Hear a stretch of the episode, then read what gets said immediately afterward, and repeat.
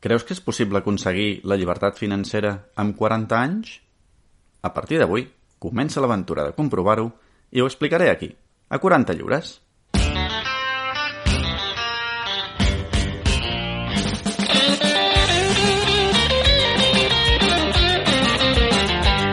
«40 lliures», el podcast casolà sobre llibertat financera. Què tal? Com esteu? Com us deia, avui comença aquesta petita aventura dels 40 lliures. Però abans de començar, deixeu-me que faci una mica d'autobombo i dir-vos que, a més del podcast, també podeu seguir-me a Instagram, arroba 40 lliures, el 40 en números. Sí, molt bé, molt bé, podcast, Instagram, 40 lliures... Però segurament us preguntareu què és això de 40 lliures, què és això de llibertat financera als 40 i de què va o de què parlaré en aquest podcast. Bé, si has arribat fins a aquest podcast, pot ser principalment per tres motius. Un, perquè ens coneixem personalment i t'he parlat del projecte. Dos, perquè compartim algun grup de WhatsApp i he fet una mica de promoció interna. O tres, perquè estaves buscant informació sobre llibertat financera, algun podcast per aprendre sobre aquest tema i t'has topat amb el meu. Si és l'últim cas, Perfecte. Perquè la intenció d'aquest podcast és parlar d'això, de llibertat financera, d'ingressos passius, tot això relacionat amb el no tenir jefes, amb no haver de preocupar-se pels diners, que últimament està tan de moda, no? Però no vull fer-ho des d'un punt de vista de gurú o d'expert en la matèria. Res més lluny que això. Avui en dia hi ha molts gurus a les xarxes que en parlen, que expliquen les meravelles de la seva vida ara que disposen d'aquesta llibertat financera. Però el dubte és, com han arribat fins aquí? És real aquesta possibilitat de tenir llibertat financera? I si ja tens 40 anys? És encara possible? Una mica aquest és l'enfocament que li vull donar al podcast. Parlar des de les vivències personals d'algú que amb gairebé 40 anys es disposa a buscar la llibertat financera. I ho vull compartir amb vosaltres. Principalment, jo diria per dues raons. La primera és que d'aquesta manera quedarà com un registre de la meva experiència i amb el temps podré valorar si, si he aconseguit l'objectiu o no. I sobretot, si ha valgut la pena el, el camí recorregut. La segona és que aquesta experiència del dia a dia serveixi també per ajudar-vos a vosaltres, a tots aquells que us interessa aquest tema i que potser us trobeu en una situació similar a la meva, no? Ja veurem què en surt de tot això. De moment, arrenco d'una manera completament amateur, sense haver-me gastat una fortuna en equipament, ni en logos, ni en música, Només una petita inversió de 45 euros en el micròfon que faig servir per gravar-me. Això sí, aprofitant el Black Friday. La resta, tot gratuït.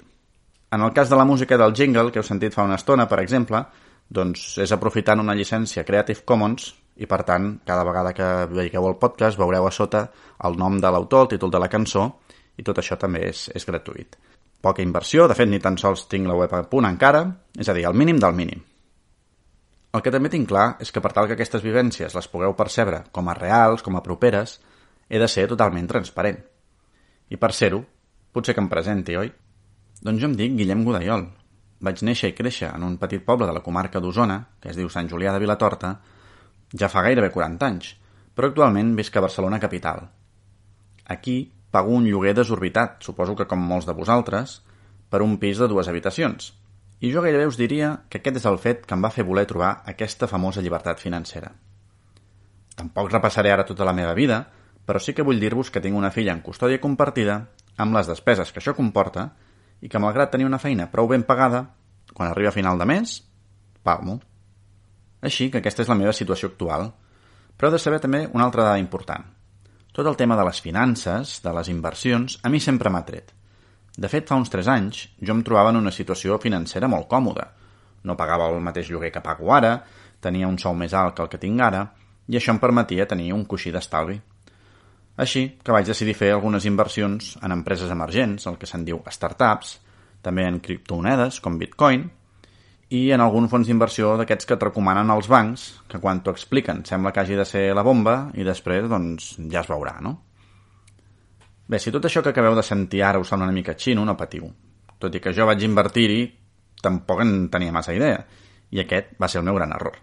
Em pensava que em faria milionari i 3 o 4 anys després tinc menys pasta que abans. Però el que sí que tinc ara és una altra cosa. I és que he canviat de perspectiva. Ara estic disposat a aprendre'n i a més a més a compartir-ho amb vosaltres com bonament pugui. tant les coses bones com les dolentes, perquè crec que s'ha de compartir tot. Les coses bones perquè les aprengueu i les podeu aplicar o les podeu adaptar a la situació de cadascú. Vull dir que no sempre el que m'ha valgut a mi pot valdre per vosaltres, però sí que potser us pot donar una idea de per on tirar. Les coses dolentes, doncs perquè si jo pringo, doncs almenys que sigui l'últim i no hagueu de pringar vosaltres també. Bé, ara que ja sabeu una mica qui sóc, també us vull explicar la idea que tinc per aquest podcast o millor dit, quatre pinzellades del que m'agradaria fer. Després ja veurem com avança tot plegat. El primer de tot és la freqüència, cada quan publicaré un podcast.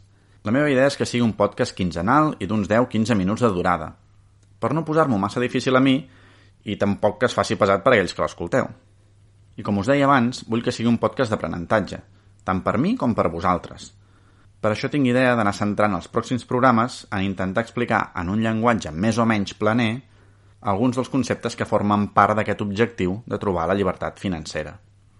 A més, com que també tinc intenció de fer alguns cursos o participar en clubs d'inversió, esdeveniments, etc., m'agradaria de tant en tant poder fer algunes entrevistes. Entrevistes tant a ponents com a receptors d'aquests cursos, perquè el que vull transmetre és aquesta vivència del camí. No només el gran cofre del tresor que et trobes quan arribes, si és que hi arribes, sinó tots els passos que mica en mica t'acosten a aquest cofre del tresor.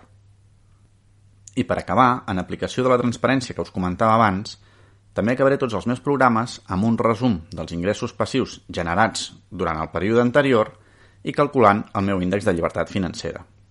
No patiu, no patiu. En el pròxim episodi us explicaré què és i com calcular-lo. Ah, i un detall important. Crec molt en el retorn a la societat – per això, per començar, he decidit destinar un 10% dels beneficis obtinguts a través dels diferents ingressos passius que vagi generant a alguna fundació o alguna associació. Aquestes donacions no les faré quinzenalment, perquè probablement serien de molt poc import, sinó que al final de l'any o un parell de cops l'any miraria els ingressos obtinguts d'altres fonts que no siguin el salari i el 10% dels beneficis que hagin generat aquests ingressos aniran destinats, doncs, com us deia, a alguna fundació o alguna associació. Aquí el que m'agradaria també és crear una mica de comunitat entre jo i vosaltres com a oients i que entre tots puguem decidir a qui aniran destinats aquests beneficis. De moment, igual que el podcast, això és una idea bàsica, un punt de partida, després ja veurem com va agafant forma, no? Però, bàsicament, aquest seria el, el resum de, del que vull fer, de qui sóc i de què anirà aquest podcast 40 lliures.